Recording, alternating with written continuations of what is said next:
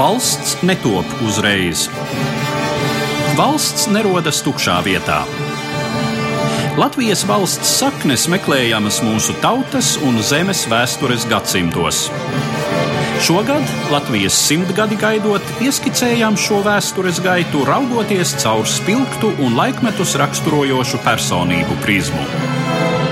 Raidījumu cikls septiņi gadsimti ceļā uz valsti ēterā katra mēneša pirmajā trešdienā Latvijas Radio 1. Labdien, cienījamie klausītāji! Turpinot mūsu ieskatu aizgājušo gadsimtu izcilu Latvijas personību dzīves gaitās, Mēs esam nonākuši līdz 18. gadsimta otrai pusē. Mūsu šodienas varonis - ķikuļa jēkabs, amatnieks, aktīvs hernhūtietis un pirmais latviešu laicīgais dzēnieks, vismaz pirmais, no kura ir saglabājušies kādi rakstīti teksti. Mūsu sarunā šodien piedalās literatūra vēsturniece Māra Grudule. Labdien! Labdien! Un vēsturnieks Gundars Ceipe. Labdien! Labdien! Čikuļa jēkaba dzīves gadi no 1740. līdz 1777. domājams, jo precīzs viņa nāves datums nav zināms. Tātad viņš aiziet no šīs pasaules būdams spēka gados. Tiesa, tā laika vidējais dzīves ilgums joprojām šķiet ir nedaudz vairāk kā 40 gadi, līdz ar to Viņš ir jau pietiekami padzīvojis cilvēks tā laika standartiem, bet eh, ievērojot to, ka viņa dzīve rit samērā labklājīgi līdz 1777. gadam, varētu lēst, ka ķikuļa jēkabs varētu piedzīvot arī diezgan ilgu mūžu. Diemžēl laikmeta situācija un viņa paša izvēles, viņa paša darbība ir tāda, ka viņa mūžs apraujas brieduma vecumā. Mēs varētu sākt ar to, cik tad ķikuļa jēkaba dzīve ir tipiska vienam latviešu zemniekam vidzemē, kas tobrīd ir jau kādu laiku Krievijas impērijas sastāvdaļa. Ceipskungs. Pirmais komentārs par to dzīves ilgumu. Ar viņu reizē dzimis vienā gadā ir Georgs Heinrichs Loskiels, kurš bija brāļu draugs darbinieks un tētiņš vidzemē, un beigās viņš Amerikā bija brāļu draugs bīskaps, un viņš līdz 73 gadu vecumam nodzīvoja. Bet ķikuļu jēkabs raksturojot to laiku un latviešu zemnieku, Viņš jau ir otrā hernhūtiešu paudze vai atmodas cilvēku paudze. Viņš ir piedzimis ap to laiku, kad tieši 1739. gadā Valmierā sākās šī milzīgā atmoda, kas ir ārkārt daudz gaismas nesusi, spēka svētības Latvijas zemē un tautai. Un to mēs varam izsakot līdz pat valstiskuma dibināšanai, šo pēctecību garīgu Un tajā laikā tāds tipisks zemnieks jau bija apgaismots zemnieks, viņš bija aktīvs brāļu draugs, darbinieks un ar nešaubīgām literārām dāvanām. Caur nemieriem viņš kļuvis populārs un zināms, un arī pateicoties tam, ka 50. gados Maskavā arhīvā tika šie viņa teksti atrasti, mēs par viņu uzzinām, bet tur bija milzīgi zemnieku nemieri, un tur ir tiešām desmitiem un simtiem tie vārdi un uzvārdi, kas parādās, un tieši šajās cīņās viņš nebija tas aktīvākais, un tas, no kā baidījās mužnieki, tieši no rakstīšanas baidījās, ka zemnieki nevien iemācījušies lasīt, bet arī rakstīt un tas mērķis bija sūdzības caram. Un apējot muizniecību, proti 76. gadā troņmantnieks Pāvils brauc cauri vidzemē, un tur tās sūdzības viņam tika nodotas par ārkārtīgi lielu netaisnību, kas bija zemniekiem, un tās bija daudzas sūdzības. Bet viņš bija viens no tiem rakstītājiem, kas dzējas formā sūdzību rakstīja, un varbūt vēl piebilstot, ka latviešu valodā ķeizarienai, ka Pēterburgā tajā laikā diezgan daudz latviešu bija. Katrā ziņā Bīrons prata latviski, tas jau agrāk, bet arī Skangaļa Jēkabs, kad raksta savu autobiogrāfiju, viņš min, ka Pēterburgas galmā latviešu valoda kalpu vidū tika lietota. Un katrā ziņā tas arī norāda uz tādu pašapziņu, ka viņš savā dzimtajā valodā raksta ķeizarienai, varbūt ar to domu, ka kāds arī viņai iztulkos.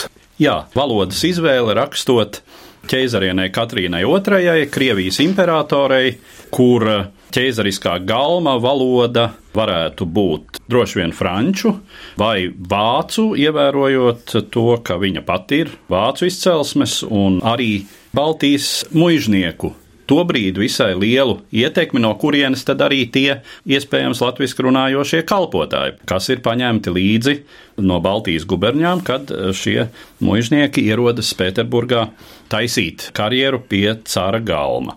Tas, protams, ir interesanti, ka Čikuļjēkabs raksta latviski, un šī frāze man šķiet ļoti zīmīga, tātad zemnieki ir iemācījušies rakstīt. Manuprāt, šeit tas hernhūtiešu darbības konteksts ir ļoti svarīgs. Tā tas noteikti ir, jo 30. gadu beigās tika dibināts arī skolotāju seminārs, kas bija paredzēts tieši lasīt un arī rakstīt apmācīšanai, tamdēļ, ka henhūtiešiem bija būtiski ne tikai nodoties garīgo rakstu lasīšanai, bet arī par tiem reflektēt un reflektēt arī par sevi un ticības nozīmi sevī un uh, rakstīt par savu dzīvi un par to, kā ir ticība cilvēku dzīves gaitu mainījusi lai to izdarītu, ir jāprot rakstīt. Un mēs redzam, ka jau no 18. gadsimta otrās puses ir saglabājušās brāļu, draugu, dalībnieku dziesmu klādes.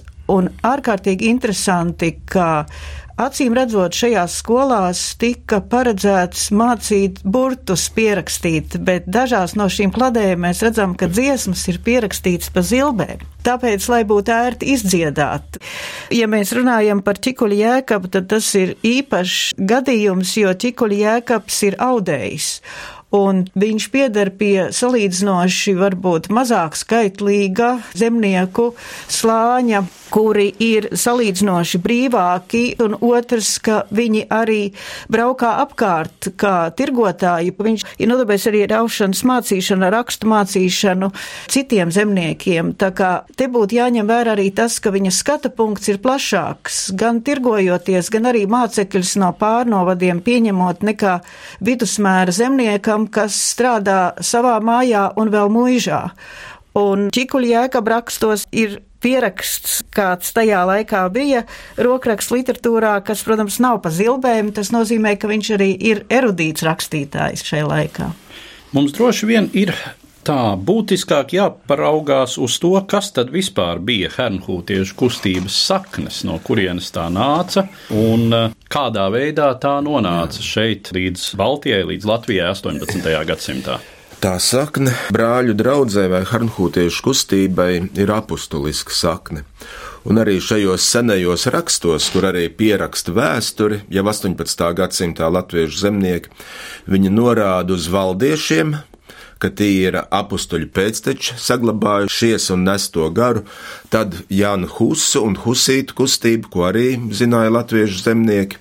Jau 18. gadsimtā, un tad caur Harnhūtu un atjaunotā brāļa draugu un pirmais misijas gājiens bija uz vidzemi 1729. gadā, kad Harnhūts dibinātais Kristians Dāvids šeit ieradās, kā pats izlūkot situāciju, ziņot draudzēji, Un viņš teica, jā, ka šeit cilvēki nepazīst dieva žēlastību, nepazīst Jēzu Kristu, nesaprot evaņģēliju, un tur ārkārtīgi daudz cilvēku tāda sadarbība, Kampenhausens un ģenerāliena Hallarte un reizgrāfs Cincendorfs organizēja tā, ka vidzemes plāns tiek izstrādāts, kas ietvēra arī būtisku izglītošanu, lai paši zemnieki tālāk var zemniekus izglītot, par ko profesora Grudula nu pat arī teica. Un pēc desmit gadu klātbūtnes šeit 1739. gadā notika atmoda, kas cilvēkus izmainīja.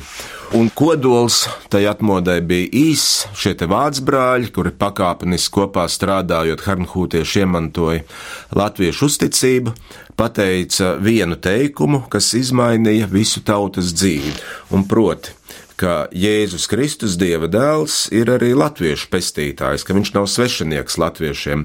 Un latvieši viņa skarbajā, grūtajā liktenī, Kristus liktenī, netaisnīgi mocīts, viņš savu likteni varēja sazīmēt, un tad viņa bezgalīgi stipri pieķērās Jēzum Kristum.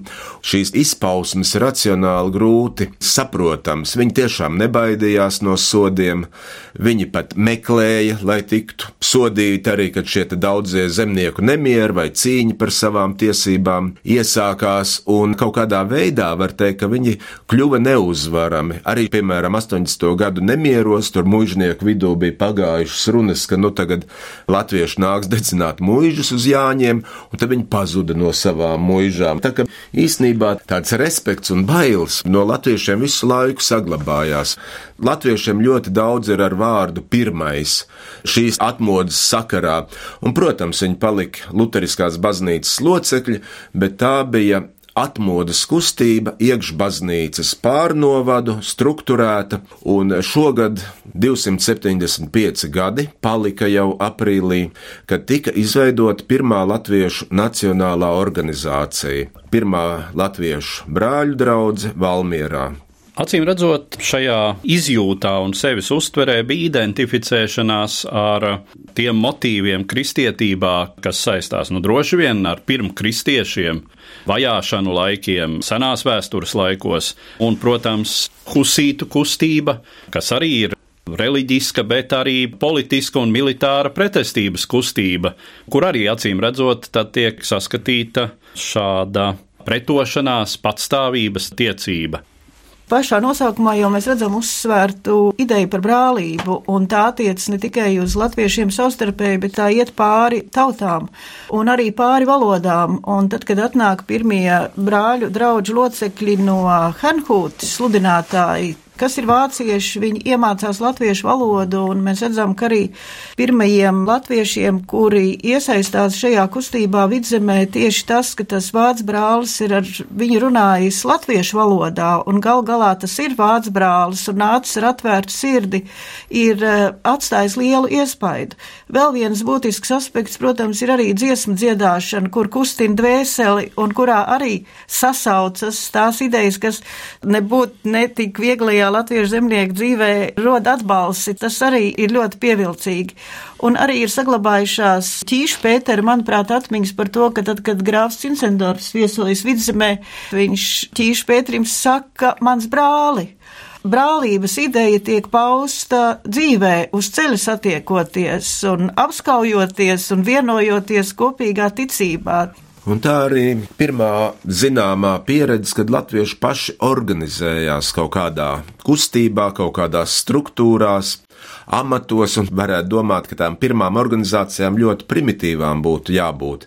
Bet tieši otrādi viņas ir ārkārtīgi komplicētas, daudzdimensionālas kārtas un amati dažādi ir un eh, kādā veidā viņi organizē savu dzīvi, un tas viņiem ļoti veiksmīgi izdodas. Un jau 60. un 70. gados sāk parādīties šie sajiešana nami. Viņi sanāk kopā, uzbūvē, pa priekšu no sākuma rijās pulcējoties, un tie ir tie gaismas avoti, kas pārmaina cilvēku dvēseli, un viņi ir, kā mūsdienās teikti, tie viedokļu līderi, jo viņi ir tie, kas organizē šo latviešu sabiedrību. Viņi ir gan garīgie līderi, un arī politiskie līderi, ārkārtīgi lielu autoritāti viņi baudīja. Tās tiešām bija šīs garīgās autoritātes. Kaut esi sirms un varbūt nevarīgs, bet tas tavs vārds un viedoklis ir tiešām kā likums tai sabiedrībai. Tā brīža oficiālā elite šeit vidzemē agri vai vēlu sajuta šo no viņu viedokļa neformālo līderu varētu teikt, konkurence autoritātes ziņā. Kāda bija tā reakcija nu, pirmām kārtām jau Lutheriskai baznīcai, nu, un arī ar to visnotaļ saistītajai laicīgajai varai, kas šeit pirmām kārtām ir ļoti privileģēto vācu mužnieku vara?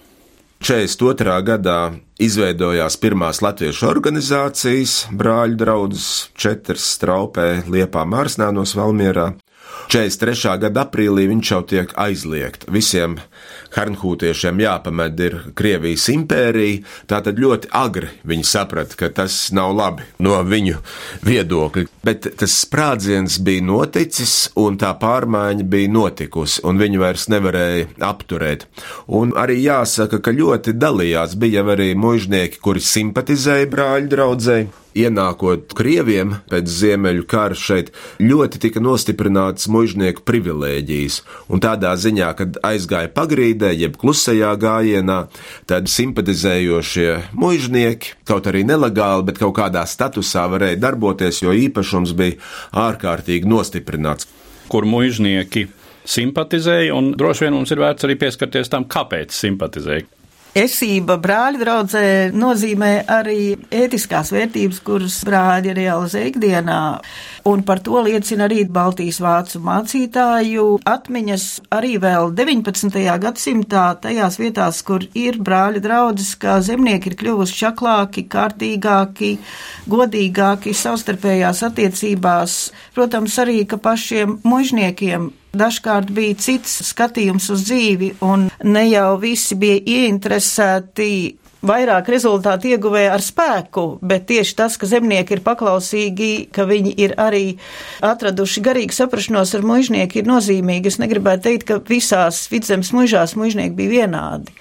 Tāpat arī mēs varam teikt par kristīgo baznīcu. Arī tajā bija mācītāji, kur simpatizēja brāļu draudzēji, un tādēļ arī, manuprāt, tas klusais gājiens, kas ilga kādus 20 gadus, kad brāļu draudz oficiāli bija aizliegta, tomēr varēja pastāvēt. 18. gadsimta otrā puse ir ārkārtīgi interesanti tieši ar to, ka no vienas puses ir šī latviešu atmoda un brāļa draudz, un no otras puses arī ir muižas vidzemes centros, kur ir muižnieki, kas izturās ļoti cietsirdīgi pret saviem zemniekiem. Pašapziņas augšana un izmisums atsevišķi cietsirdīgi mužnieki patvaļi ir tas, kas nāk kopā un rada šīs izmisuma pilnās vēstules un dziesmas.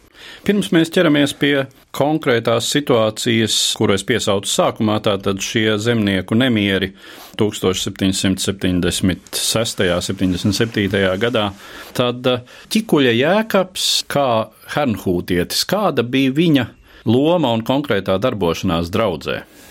Es neesmu atradzis tieši kādā amatā viņš būtu bijis, bet skaidrs, ka tā ģimene ir aktīva bijusi un no tā pirmā atmodas viļņa, jo tur viens no arī brāļa draudzes centriem ir eh, blomē bijis un arī tagad brīnumainā veidā saglabājies sajiešanas nams, kurš arī darbojās kilometra attālumā no ķikuļu mājām, tas ir Riņģu sajiešanas nams, kur līdzās arī stāv piemineklis ķikuļu jēkabam.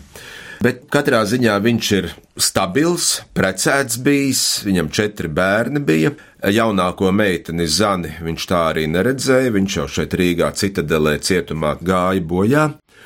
Viņš darbojās tajā vietējā brāļa draudzē, viņiem bija pārnovadu tīklojums īpaši ķikuļu jēkabam, jo viņš pārvietojās dēļ sava amata. Viņš tā tad rakstīja, un arī citi zemnieki rakstīja. Daudz sūdzības bija iesniegts, bet viņš bija tieši no tiem talantīgākajiem minēts. Tātad, ja vajag ķeizarienē kvalitatīvu, tad tas ir tas labākais rakstītājs, kas būtu bijis.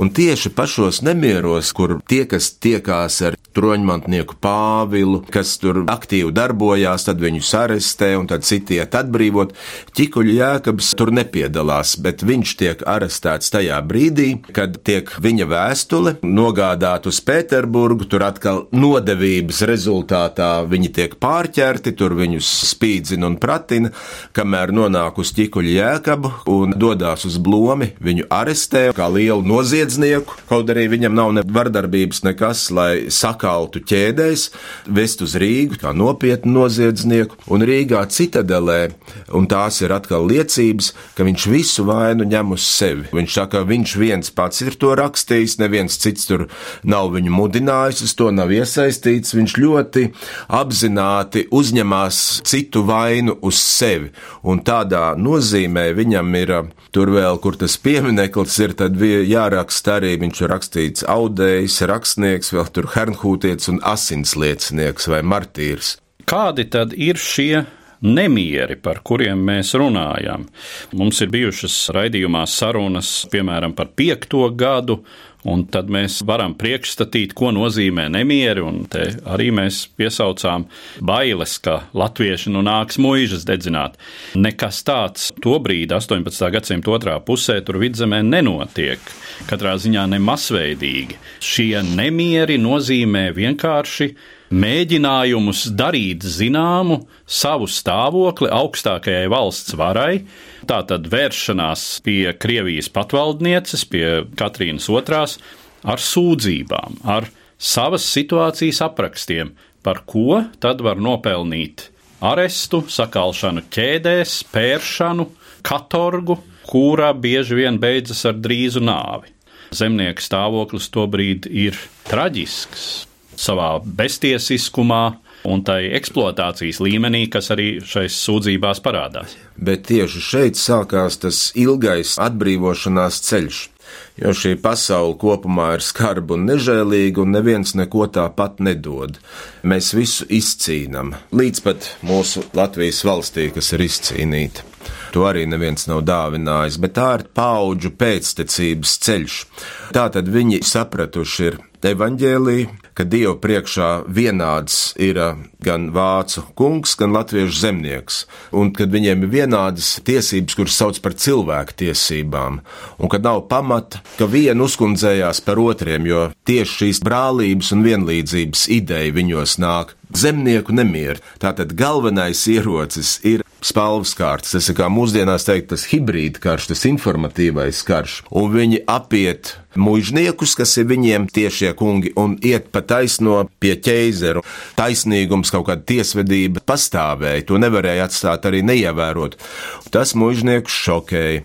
Tad viņi viņus ķēra, arestēja, lika sodus, spēra un tā tālāk, un tas tā masveidīgi, teiksim, tās sūdzības bija tur 65, man liekas, parakstīts, nu ļoti lieli tie cīpari bija, kas iesaistījās. Un tad, kad bija eksekūcijas, tad citi nāca atbrīvot viņus, un tad parādās arī kaut kādi ieroči, Brauns. Ģenerālgubernators. Jā, man liekas, viņi bija piekāvi. Tā kā kaut kāda vardarbība arī tur ir bijusi.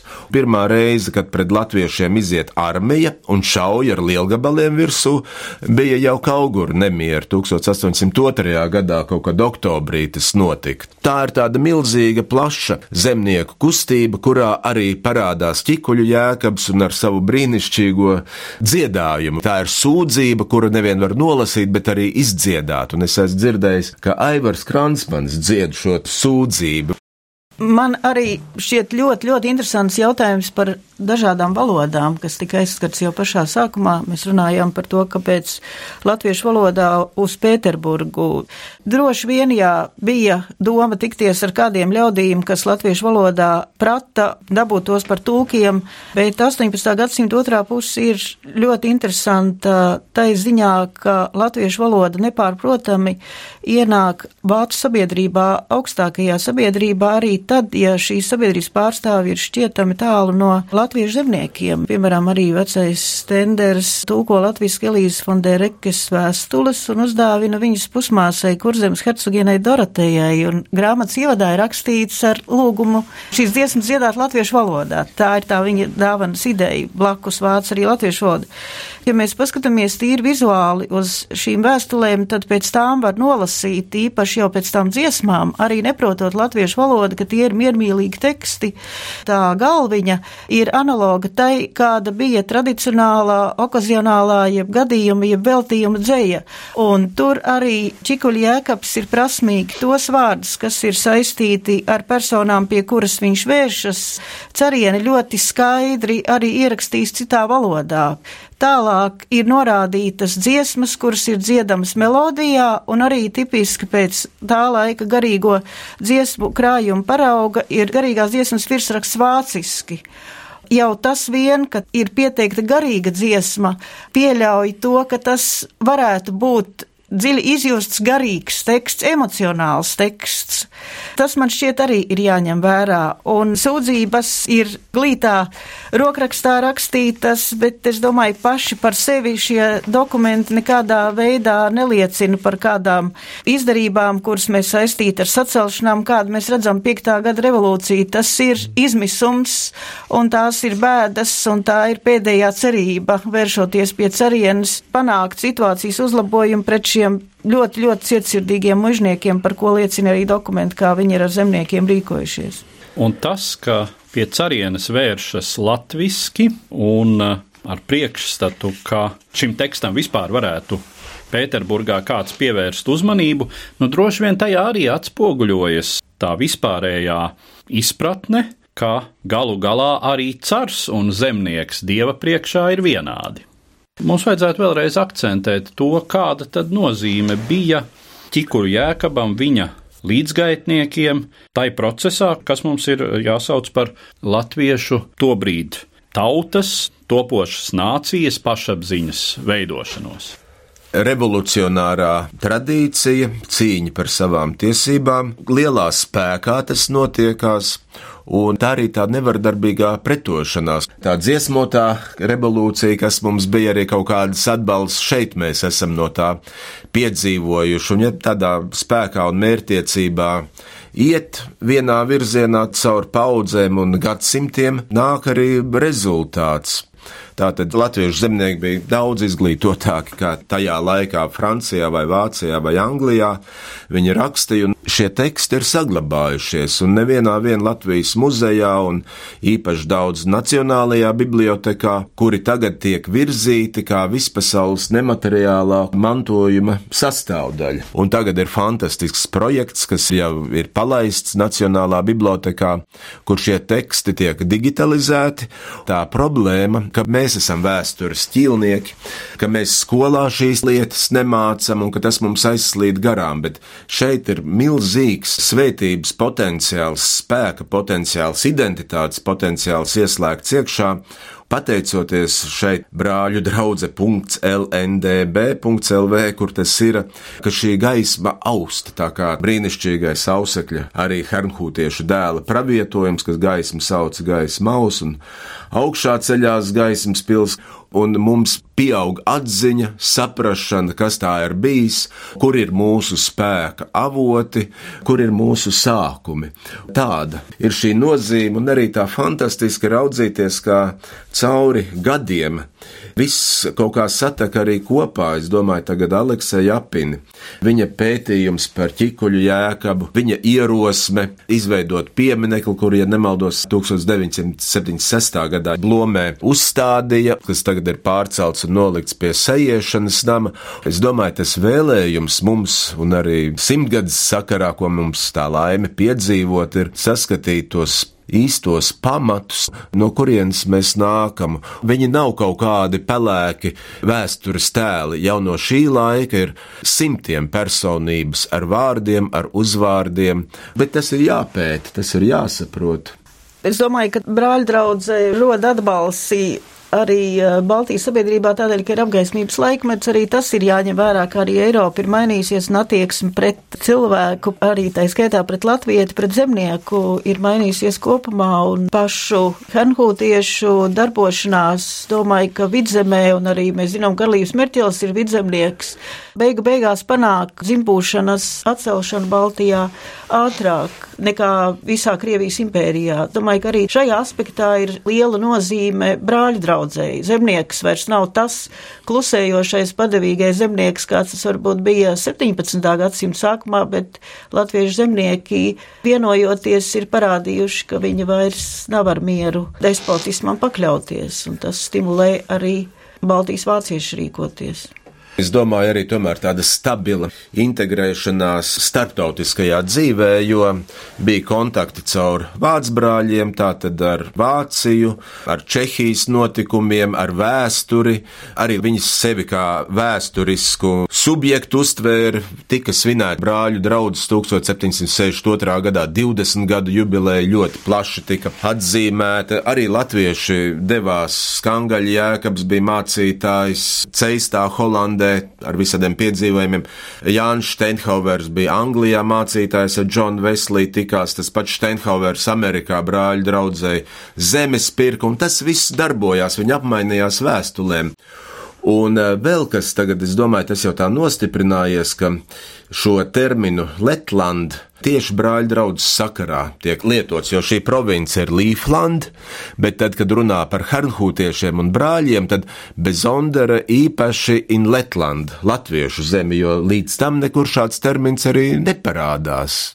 Bet jau 18. gadsimta otrā pusē ienāk un nostiprinās šis Letland jau 70. gados kam noteikti varētu būt saistība ar to, ka parādās tāds ievērojams daudzums tekstu latviešu valodā, Sūdzības tika rakstīts un pārrakstīts daudzos eksemplāros, lai nevarētu visus noņemt nost. Tā kā tā rakstīšana tas bija centrālais ierocis, nevis pistols vai bises, bet spalvas kārts. Tas bija tas bīstamākais. Lielā mērā jāsaka tāpat kā mūsdienās, tikai mūsdienās to lomu izpilda datora klaviatūra. Es domāju, mēs arī varētu ar to noslēgt mūsu šodienas stāstījumu par pirmo latviešu laicīgo dzinieku Čikuļu Jēkabu, arī pretestībnieku, arī latviešu tautas pirmās priekšatmodas darbinieku. Un es saku paldies maniem sarunbiedriem, literatūra vēsturniecei Mārai Grudulei un vēsturniekam Gundaram Ceipem. Paldies! Paldies! Septiņi gadsimti ceļā uz valsti. Mūsu vēstures gaita pretī valstiskuma tapšanai caur iezīmīgu personību prizmu skatīta. Raidījumu cikls ēterā katra mēneša pirmajā trešdienā Latvijas Radio 1.